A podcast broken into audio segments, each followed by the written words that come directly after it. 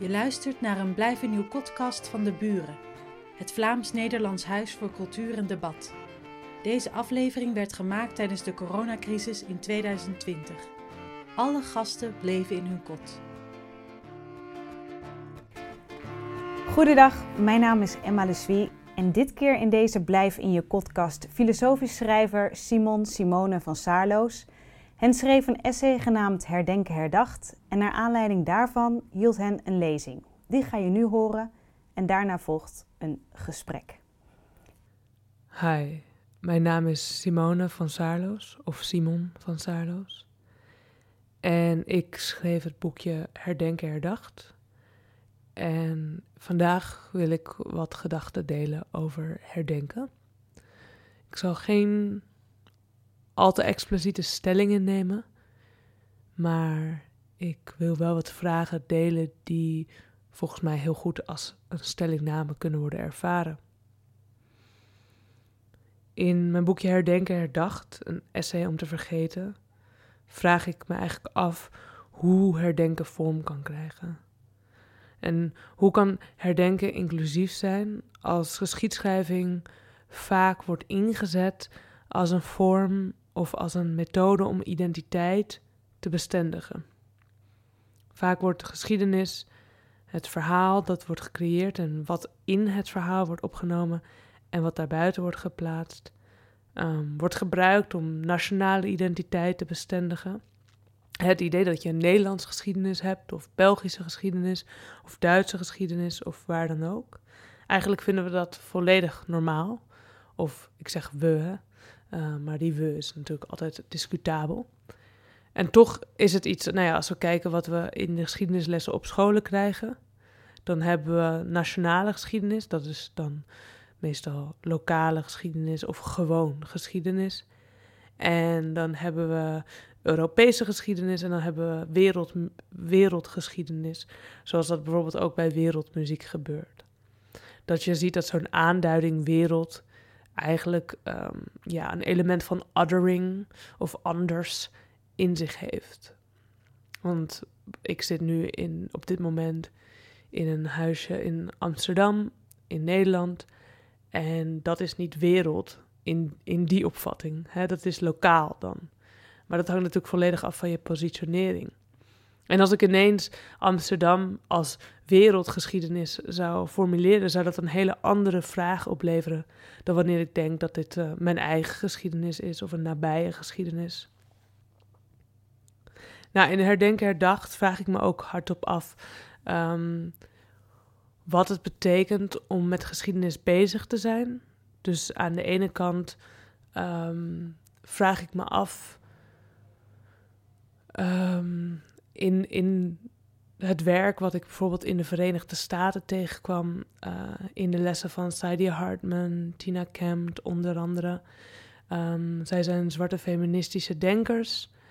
En uh, bijvoorbeeld in het werk van Saidia Hartman, Lose Your Mother, gaat het expliciet over uh, de terugkeer, wat je ja, eventueel een terugkeer kan noemen van uh, Saidia Hartman als zwarte Afrikaans-Amerikaanse vrouw. Um, generaties lang in de Verenigde Staten, daarom Afrikaans-Amerikaans. En um, dat gaat, zij bezoekt Ghana en daar schrijft ze over. En zij beschrijft eigenlijk hoe het onmogelijk is om het verleden los te laten als je verleden op geen enkele manier duidelijk is. Als je verleden niet wordt verteld, niet een verhaal is om je heen. Als je verleden geen taal is, geen common language, een collectieve taal, um, dan wordt dat verleden een obsessie.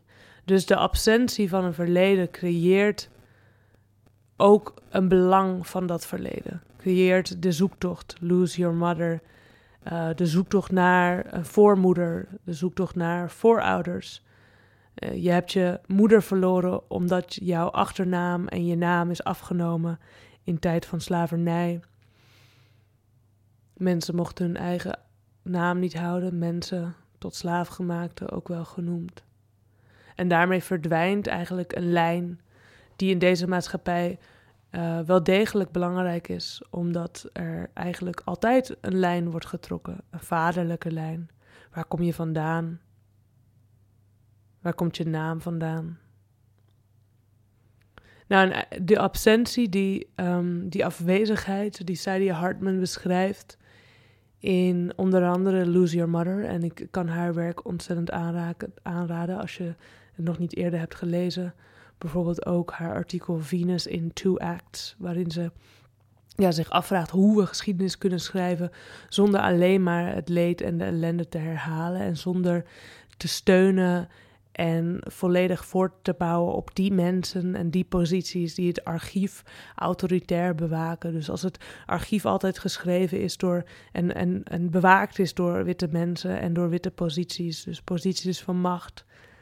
Hoeveel zin heeft het dan om die archieven centraal te stellen in het schrijven van een andere geschiedenis? Of misschien moet ik niet zeggen een andere geschiedenis, maar in geschiedenissen die even goed verteld dienen te worden, maar niet in dat bewaakte archief zijn opgenomen.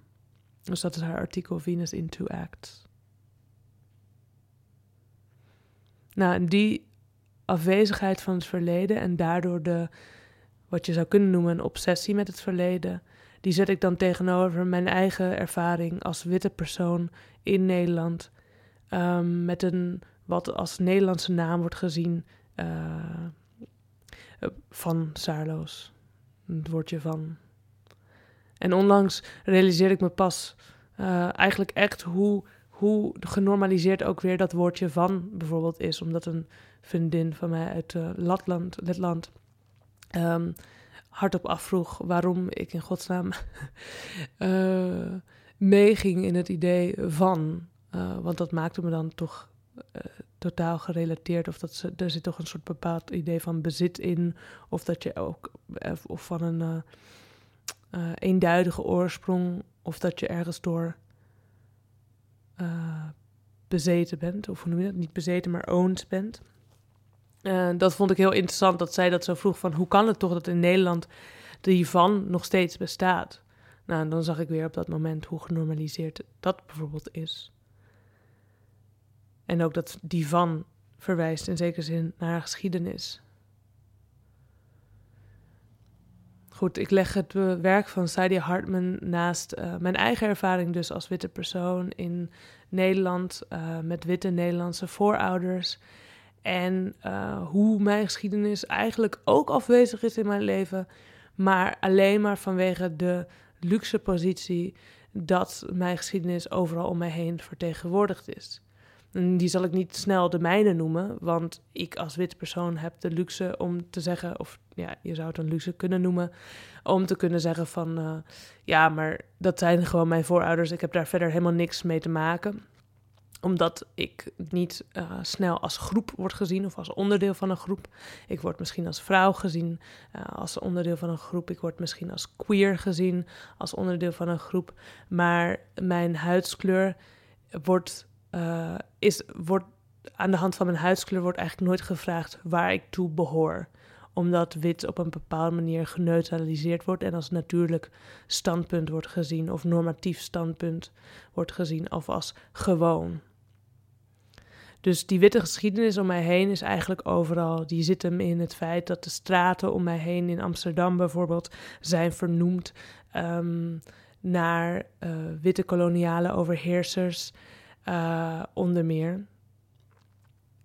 Dat zit hem in het feit dat de mensen die zijn afgebeeld op de standbeelden, dat dat um, uh, witte schrijvers zijn, um, stadsmensen die beleid voerden, koloniale figuren zoals Van Heuts. Dus ik hoef niet eens op zoek naar mijn verleden, omdat het overal rondom mij is. En dus is het voor mij ook heel makkelijk om te zeggen: Nou, wat gek dat mensen zo ontzettend bezig zijn met hun verleden. Waarom is dat toch zo? Want ik hoef dat helemaal niet. dus het is een bepaald soort luxe om te zeggen dat het verleden toch het verleden is en daar hebben we nu toch niks mee te maken. Want als ik op straat loop, dan representeert alles eigenlijk de identiteit waar ik vanzelfsprekend toe lijkt te behoren. Nou, nog als een klein stukje uh, pleidooi, want ik kan hier heel lang over praten. Um, um, zou ik willen zeggen dat het onlangs uh, verscheen het boek De Slavernij in Oost en West. En uh, dat is een Amsterdams onderzoek. En onder meer Guno Jones en Nancy Jouwe hebben daaraan meegewerkt. En nog een aantal andere onderzoekers. En dat werd gepresenteerd vorige week, vrijdag. Um, en dat is heel belangrijk onderzoek. En um, dat werd ook zo gepresenteerd door uh, een van de eerste sprekers die daar was. Die zei van, wat ontzettend goed dat we dit nu hebben. Uh, en ze legde heel erg de nadruk op de feiten en de cijfers en hoe nodig die zijn. Dus dat er echt wetenschappelijk onderzoek nodig is.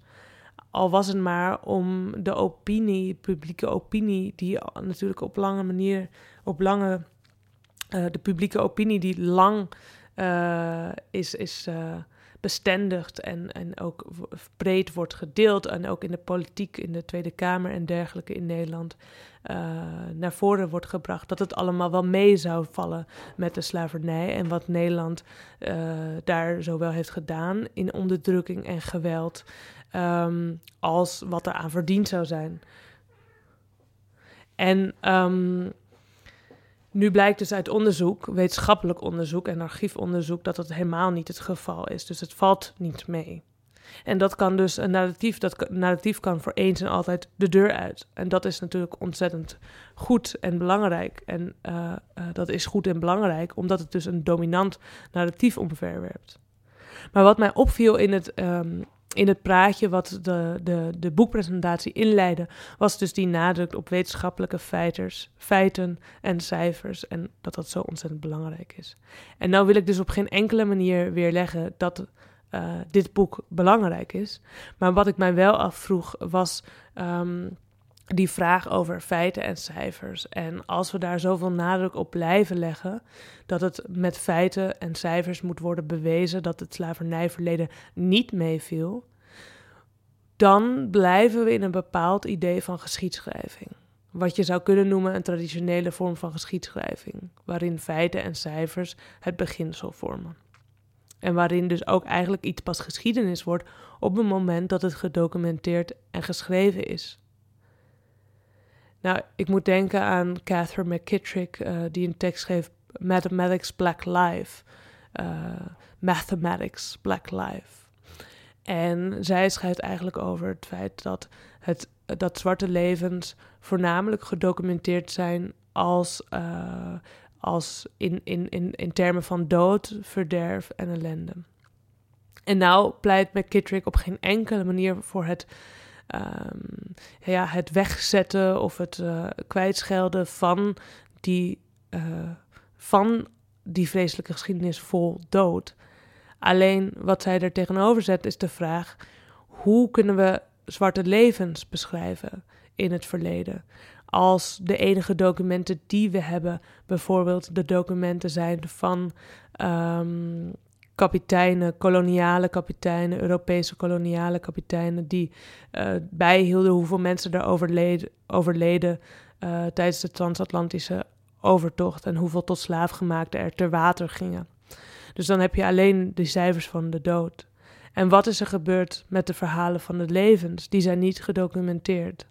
Hè, dus die zijn die, die normatieve niet, geschiedenis niet ingekomen. Catherine McKittrick stelt dus eigenlijk voor niet om nog dieper het archief in te duiken, want dan kom je hetzelfde tegen. Eigenlijk ook wat Sadie Hartman betoogt in Venus in Two Acts.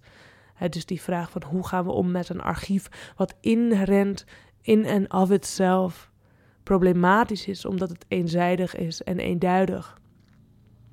En dat haal je er niet zomaar uit door met dat archief te blijven werken. En Catherine McKittrick zegt: Trust the lies. Vertrouw de leugens. Dus in plaats van cijfers en feiten tegenover feiten en cijfers te zetten, um, worden levens pas beschreven in de leugens, in het archief. Dus een zinnetje hier of daar waarin het wordt gezegd van ja, dat zei zij maar. Of eigenlijk de absenties in het archief, dingen die niet worden opgenomen. In de leugens geldt dus heel veel leven. En mijn vraag zou daarom zijn: op welke manier zouden wij kunnen nadenken over herdenken vanuit de leugen, vanuit het verhaal, niet vanuit de feiten en cijfers. En hoe zorgen we ervoor dat, daar, dat er dan geluisterd wordt in verscheidenheid. En ook de vraag misschien dat if we trust the lies, dan is dat al heel gauw gevaarlijk om te zeggen in een tijd waarin uh, er een president is in de Verenigde Staten en ook in vele plekken in Europa. Uh, mensen die zogenaamde uh, feiten verdraaien om hun eigen gelijk te propageren. Wat betekent het in zo'n tijd om te zeggen trust the lies? En hoe belangrijk is het om hun verdraaide cijfers en feiten en verhalen en die als feiten worden gepresenteerd, zoals drink mm, bleek tegen corona. Hoe belangrijk is het om daar uh, op te reageren met feiten, met wetenschappelijke feiten? Of reproduceren we daarmee een bepaalde mm, manier van denken en een bepaalde manier van steunen op een eenduidige waarheid? Hoe zouden we met leugens kunnen reageren? Hoe zouden we met leugens een meervoudige, meerstemmige ja, vorm van waarheidsvinding kunnen creëren? Hallo, Simon Simone van Saarloos. Hallo. Wat heb je liever dat ik zeg? Ja, allebei is goed en door elkaar is het allerbest. Uh, ja? Ja. Ja, en als er uh, Simone in de ruimte is, dan, dan sowieso Simon. Als generositeit naar mijn naamgenoot. Maar nee, ik, ik vind alles prettig. Wanneer uh, kwam je daar eigenlijk op om je E tussen haakjes te zetten? ik weet niet meer precies wanneer. Um, ja, ik, voor mij het hangt natuurlijk voornamelijk samen. Dus ik vind het ook niet erg als mensen mij verkeerd noemen. In die zin dus dat ik niet het gevoel heb dat er een juiste vorm is. Hè? Dus, en ook qua, eh, moet ik zeggen, qua voornaamwoorden heb ik ook niet een juiste gevoel. Um, het, het, voelt voor mij niet als een identiteit. Het is eerder dat ik uh, het idee heb dat veel van mijn werk middels taal gebeurt. En uh, een naam en het goed zeggen van namen, of het nou het goed zeggen van namen is bijvoorbeeld vanuit een Nederlands perspectief dat mensen nog wel eens willen zeggen van oh, maar die naam kan ik niet uitspreken of dat kan ik niet onthouden. Alsof het dat dan zogenaamd een moeilijke naam is.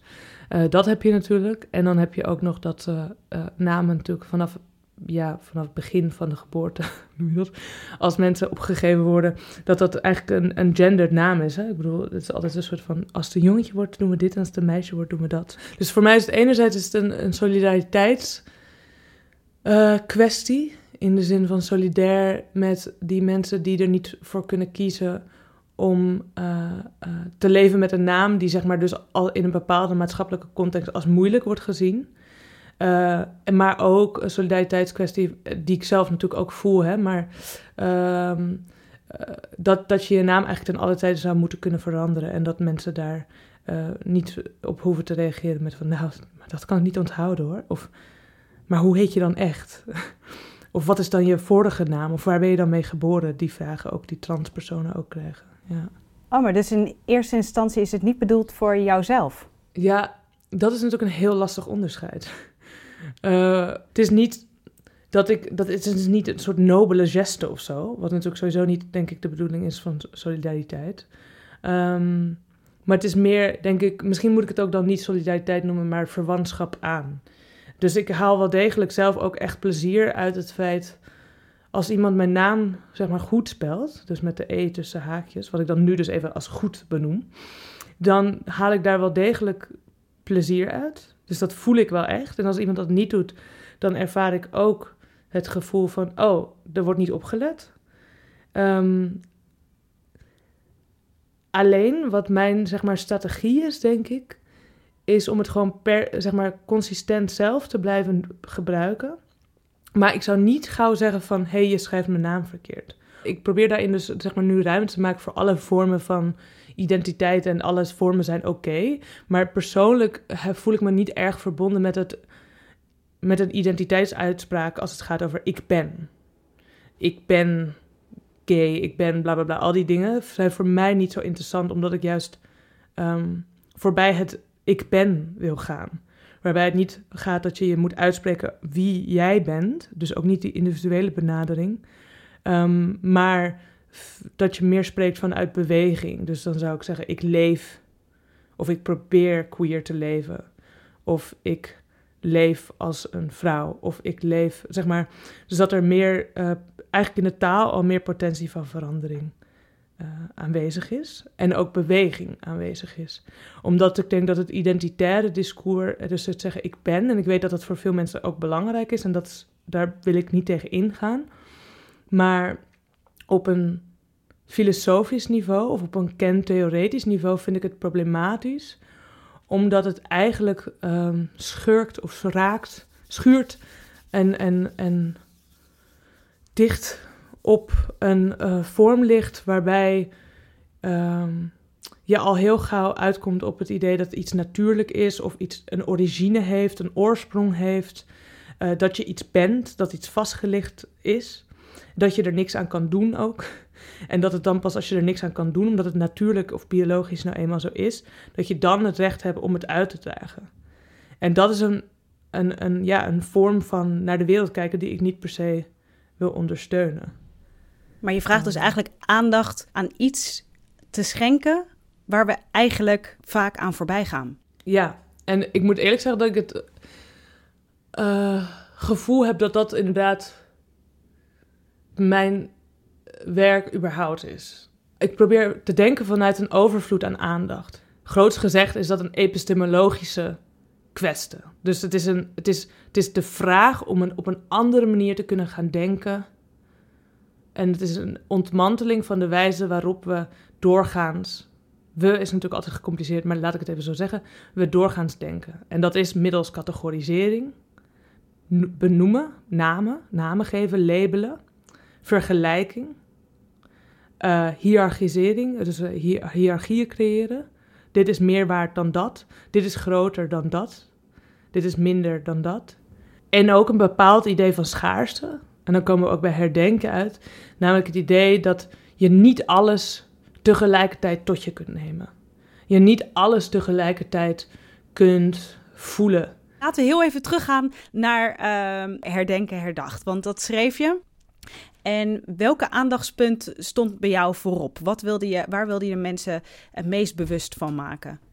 Nou, ik denk dus dat ik één ding wat ik heel wat, wat voor mij een vorm van argument was, is dus om niet vanuit schaarste te denken over verleden en in aanraking komen met het verleden en herdenken, maar vanuit overvloed. De reactie die ik in mijn hoofd had, was eigenlijk een soort van, ja, maar we kunnen nou eenmaal maar zoveel herdenken. En zeker ook in klassieke filosofie zie je toch een soort van de hele tijd het prioritiseren van hoe komen we uit bij die verhalen die we moeten herdenken. En wat doen we dan met de mensen die zijn uitgesloten? In plaats van te, het andersom te bedenken en te denken, wat nou als ik geloof dat um, het mogelijk is om alles te herdenken. En vanuit dat geloof, wat niet een ongefundeerd geloof is, want het is een kritiek op de wijze waarop we uh, leren onderscheid maken. Want het is dankzij dat onderscheid dat we kunnen zeggen: dit is wat we herdenken en dit is wat we niet herdenken. En dat hangt ook bijvoorbeeld samen met het feit dat uh, we een bepaald idee van een norm en een breed gedragen geschiedenis hebben. Hè? Dus we denken van: oh ja, maar heel veel mensen in Nederland houden zich bezig met puntje, puntje, puntje. Ik zeg Nederland, België. Terwijl daar kan best wel aan getornd worden. Maar dat is heel lastig eigenlijk, want er is toch een bepaald idee van meerderheid die ons alle infecteert eigenlijk.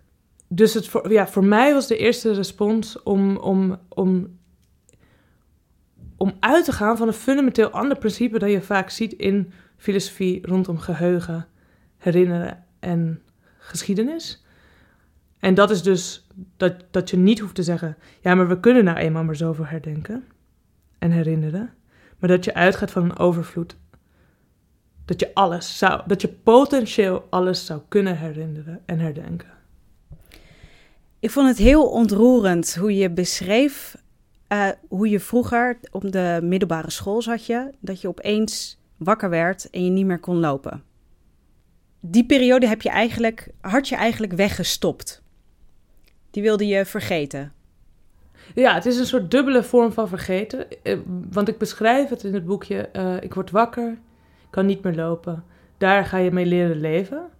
Uh, nog naast het feit van wat we allemaal zouden kunnen zeggen hè, over gehandicapt zijn in, in deze wereld en hoe de wereld ons gehandicapt vaak maakt, in plaats van dat iemand gehandicapt is, omdat de wereld is ingedeeld op een bepaalde manier, volgens een bepaald normatief lichaam.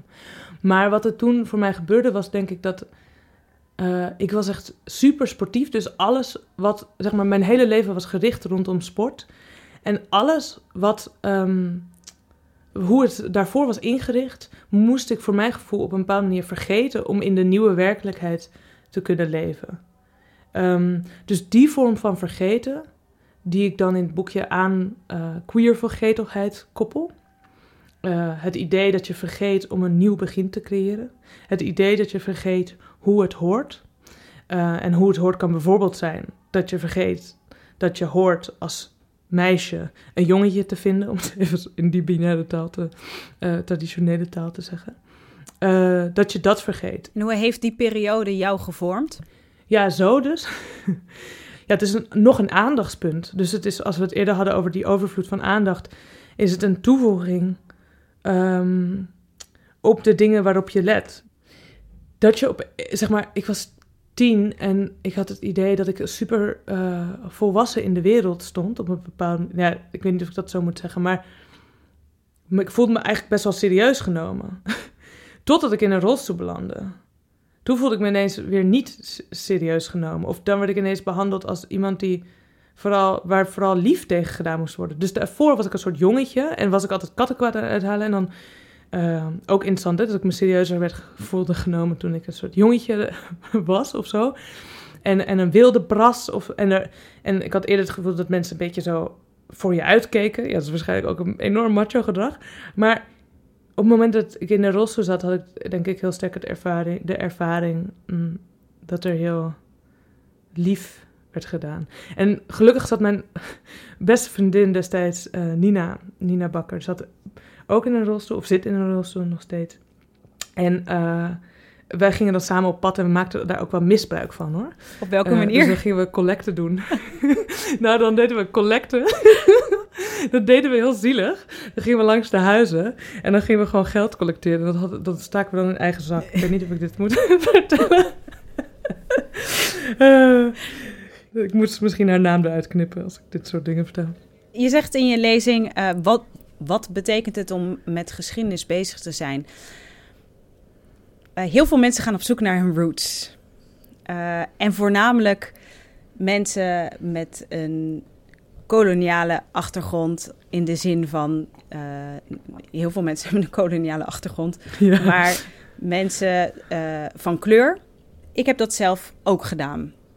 Is dat een zoektocht naar een geschiedenis of is dat een zoektocht naar iets anders? Je stelt de vraag op een manier alsof je het beste zelf kan antwoorden. Ja, maar ik vroeg me af hoe jij dat zag. Ja, oké. Okay. okay. Um, nou, ik denk. Waar, waar, okay. waar zijn we naar op zoek, volgens jou? Oef. Ja, en dan heb ik het specifiek over de mensen die dan dus op zoek gaan naar hun geschiedenis. En dus voornamelijk ja. mensen van kleur. Ja, ik ga je vraag beantwoorden aan hoe ik hem alleen kan beantwoorden. En dat is volgens een bepaalde ontleding, denk ik. Ten eerste denk ik dat het belangrijk is om te benoemen dat, um, dat Herdenken Herdacht als boekje dat pad ook bewandelt. Hè? Dus een soort van die vergetelheid viert. Zo van soms is het nodig om een tijd te vergeten, zelfs als die tijd zogenaamd positief kan worden gemarkeerd, om een nieuwe realiteit te accepteren. Um, en vervolgens komt, kom ik toch ook uit op, ja, maar het kunnen vergeten is een vorm van privilege. Want wat nou als het verhaal wat aan jouw vorm van geschiedenis zou kunnen raken, of aan jouw vorm van zijn, of aan de lichamelijkheid die jij hebt, of aan de kleur die jij hebt, of aan de de klasse en de taal die jij gebruikt. Als die er niet is, dan, wordt het een, dan is vergeten is helemaal geen privilege. Vergeten is een, is een vorm van repressie. Het is opgelegd. Het is een expliciete afwezigheid. En ook nog een strategische afwezigheid.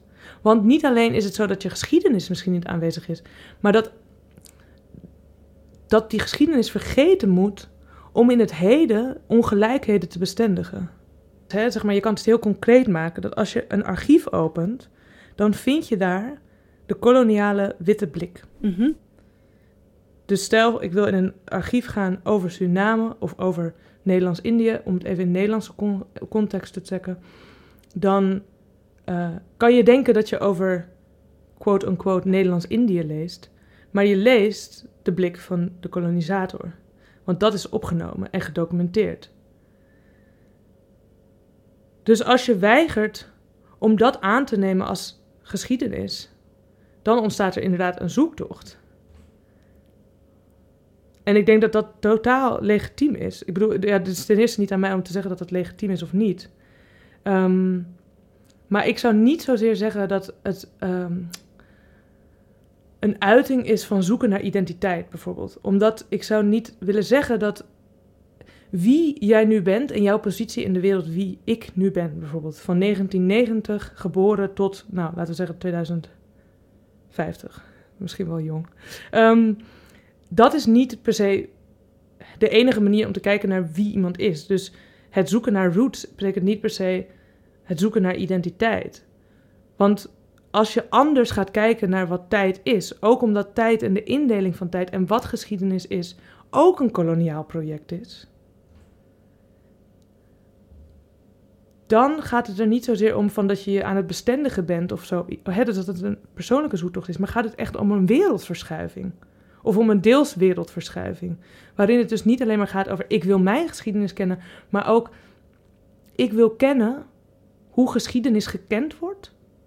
En ik wil op een andere manier die gekendheid van geschiedenis aanpakken. Omdat ik uit eigen ervaring, nu spreek ik even, stel ik ben een persoon van kleur, omdat ik uit eigen ervaring weet dat die eenzijdige geschiedenis niet de enige geschiedenis is die er kan zijn. Ik, ik besta, als ik een persoon van kleur was, ik besta omdat er meerdere geschiedenissen zijn. En die worden nu niet gerepresenteerd en gedocumenteerd. En misschien is documentatie ook niet de vorm. Want als archief de vorm is waarin een eenzijdige geschiedenis altijd is opgeslagen, dan, dan, dan moeten, misschien, moeten we misschien vooral af van de privilegering van geschreven geschiedenis, bijvoorbeeld. Ehm, en, en meer gewicht en waarheid toekennen aan bijvoorbeeld orale geschiedenis of muzikale geschiedenis. De herinneringen die in muziek zit, of in grond, of in gevoelde voorouders, in plaats van puur het kunnen bewijzen van voorouders hè, met, met, met data. Dus al die, zeg maar, meer efemere aspecten, dus de aspecten die niet per se blijven, zoals dat archief, zoals steen.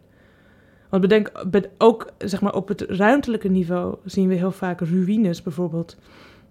Uh, zien we dat de stenen overeind bleven. Maar alles wat van bamboe is gemaakt, of alles wat van hout is gemaakt, of alles wat van andere vormen die niet zeg maar, op blijvendheid gericht zijn, die bestaan niet meer.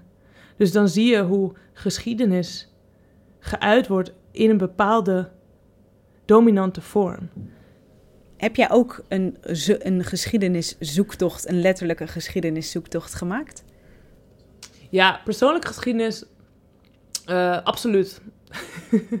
Niet zozeer in herdenken herdacht.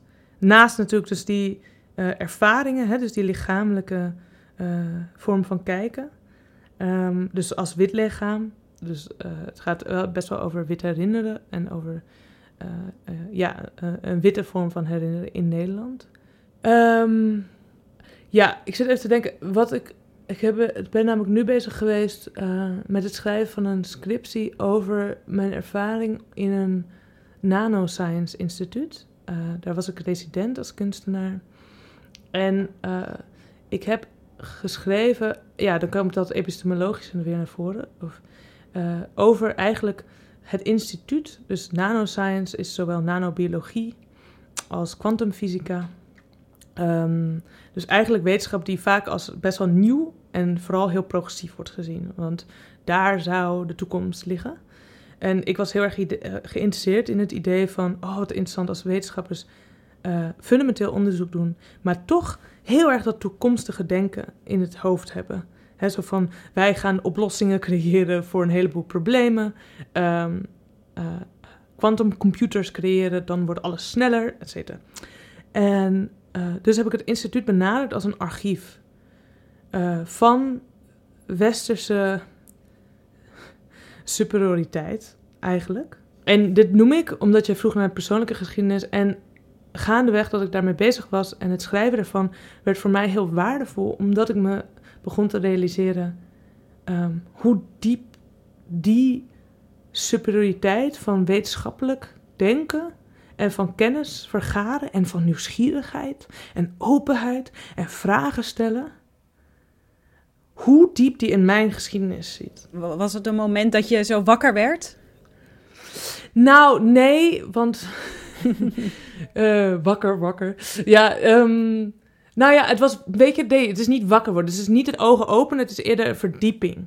Dus voelen dat, er, dat het. Is een verzwaring of zo. Weet je, alsof je lichaam dus het is niet naar voren, het is meer naar achter. Dat je voelt dat, dat je de gevoelsmatige diepte voelde van het aangaan van deze kweesten, zeg maar, of zo. Dus dat je echt zo... Dat je de onvermijdelijkheid in die zin ervaart. Uh, omdat je er zo dicht op zit en zo uitgemaakt van bent. Als in uitgemaakt bedoel ik, I made of it, weet je wel. Um, en daar, wordt het wel, daar werd het wel emotioneel belangrijker van. Hoe bedoel je dat, emotioneel belangrijker? Mm, het voelde als heel hard werken. Het voelt als heel hard werken. om, om het te schrijven, maar ook om, om, om niet te denken, ik ben gek. Echt, echt zeg maar dat gevoel, echt klassiek gevoel, weet je wel, van ik ben gek. Ik ben, en niet zo van ik ben de enige, want ik weet dat dat niet zo is. Maar wel als fysieke ervaring in zo'n instituut te denken van, nou, dit, dat klopt iets niet met mij. Want waarom vind ik dit zo ontzettend beperkt? Waarom vind ik de vraagstelling van een kwantumfysicus beperkt? Want dat hele, zeg maar, beeld rondom die wetenschappelijke tak is een soort van, deze mensen zijn geniaal. Uh, ze zijn, er zit een level van abstractie ongekend. Het is ghostly, het is spooky, zoals Einstein het zou hebben gezegd. Ook in die soort van onbegrijpelijkheid zit een bepaald soort superioriteit. En voor mij de, de realisatie hoe diep dat snijdt of zo. Dat, dat, dat kwam daar hard aan. Ja, dat kwam heel hard aan, ja. Maar jouw vader is dus wetenschapper. Kan je met hem hier ook over in gesprek gaan? Ik ben ook bezig met de familiegeschiedenis nu aan het opdiepen. Mm, alle, alle zeeofficieren die er waren. De mannelijke lijn, waarvan ik iets kan vinden. Uh, en hoe zij daar, oh, het, het, is echt, ja, ook een lang verhaal. En hij vindt het wel interessant. En wat ik interessant ook vind, is dat zij wel ook steeds meer, ik, vooral dat ik zoveel leeswerk opleg. Uh, en dat ze dat ook wel lezen. En dat, dat dat ze dan ook wel zeggen van, oh ja, we hebben nu Witte Onschuld gelezen. En oh ja, we hebben nu Witte Fragiliteit gelezen. En uh, Wij Slaven van Suriname van Anton de Kom. En dat ze uh, heel erg onder de indruk zijn. En ja, kijk, mijn, mijn activistische kant zegt natuurlijk totaal van, ja, een beetje laat. Uh, ja, en die wordt dus ook gefueld. Ja, ja, ja, ja. Ja, want ik denk dat ik gevoed word toch wel door het feit dat ik dan denk van, ja... Weet je, ik kom ik ben een reproducering van die witte lijn of zo. Dat, dat klinkt veel. Dat bedoel ik dus niet schuldig, maar juist gewoon van. Die ontmanteling had veel eerder mogen beginnen. En. Um... Ja, je bent dan een reproducering van een witte lijn, maar uh, ik ben niet uh, wit, maar ik herken het wel. Uh, die discussies ook. En, en zij, mijn ouders gaan nu ook opeens dingen lezen of dingen anders zien. Dus, dus dat heeft niet alleen met wit-zwart misschien te maken, maar eerder met generatie. Ja, ik ben gewoon niet zo vergevingsgezind. Generationeel ook niet. Dat komt ook weer in allerlei vormen voor, omdat mijn partner is ongeveer bijna even oud als mijn ouders. En die heeft echt een hele andere uh, ontwikkeling daarin of zo. Of een hele andere kijk. Dus ik, ik ben ook heel voorzichtig met het uh, categoriseren van generatie. Zo van, ja, we kunnen het ze niet kwalijk nemen, want... En dat heeft dan weer te maken met die tijdsverloop en het niet onderscheiden van verleden, heden en toekomst. En dat doen we met leeftijd ook heel erg. Zo van als je een bepaalde leeftijd hebt, ja, laat die paar racistische opmerkingen van oma maar zitten, want oma is oud. En uh, hoewel ik ontzettend ben voor, dus op het andere niveau ben ik onwijs voor, me, weet je, liefde die niet alleen maar perfect kan zijn, absoluut. Mm, maar vanuit het denken ga ik niet excuses zitten verzinnen omdat men van een andere generatie is. Omdat het idee van generatie is ook een vorm van indeling. Ja, true. Ik, ik moet wel gaan. Dus ja, oh shit. Ja. Dat komt door mij, omdat ik zo ontzettend... Nee, ja, we, we, hebben echt nog niet alles. Uh, shit. Uh, hoe, hoe, moet je nu gaan? Ja, hè? Het is bijna ja, zes uur. sorry. Ja. Oh shit. Ja, ik wilde het nog hebben over herdenken. We hebben het nog eens over herdenken gehad. Over... Een beetje wel, toch? Nee, ja. Ja, over heel veel dingen niet. Um, oh, sorry. Het ligt echt aan mij, want ja. Nee, ja, nee, dat ligt aan mij, want ik moet dat meer sturen. Maar ik was uh, zo lekker naar je aan het luisteren. Waar ga je eigenlijk ja. naartoe? Waar ben je? vertel dat, vertel dat eens aan de luisteraars. Ja, ja, ja, ja. Ik ben in Istanbul en ik ben hier bezig met een werk Cruising Gezi Park. Het is een audiowerk, um, net als waar je dan nu naar luistert. Um, en dit is een gesprek met Kubra Uzun over hun cruising uh, ervaringen in uh, de jaren negentig. En dat uh, komt samen, verweefd met ook de protesten in 2013 in Gezi Park in Istanbul.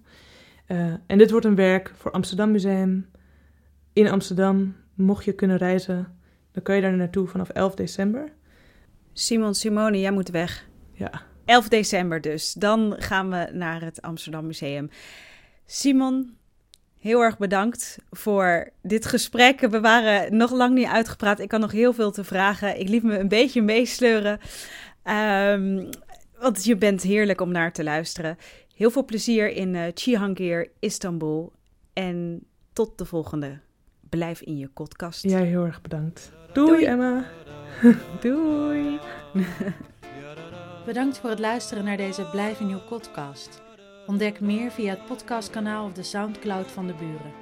De Buren biedt je gratis registraties van debatten en lezingen aan en heeft een uniek literair audioaanbod.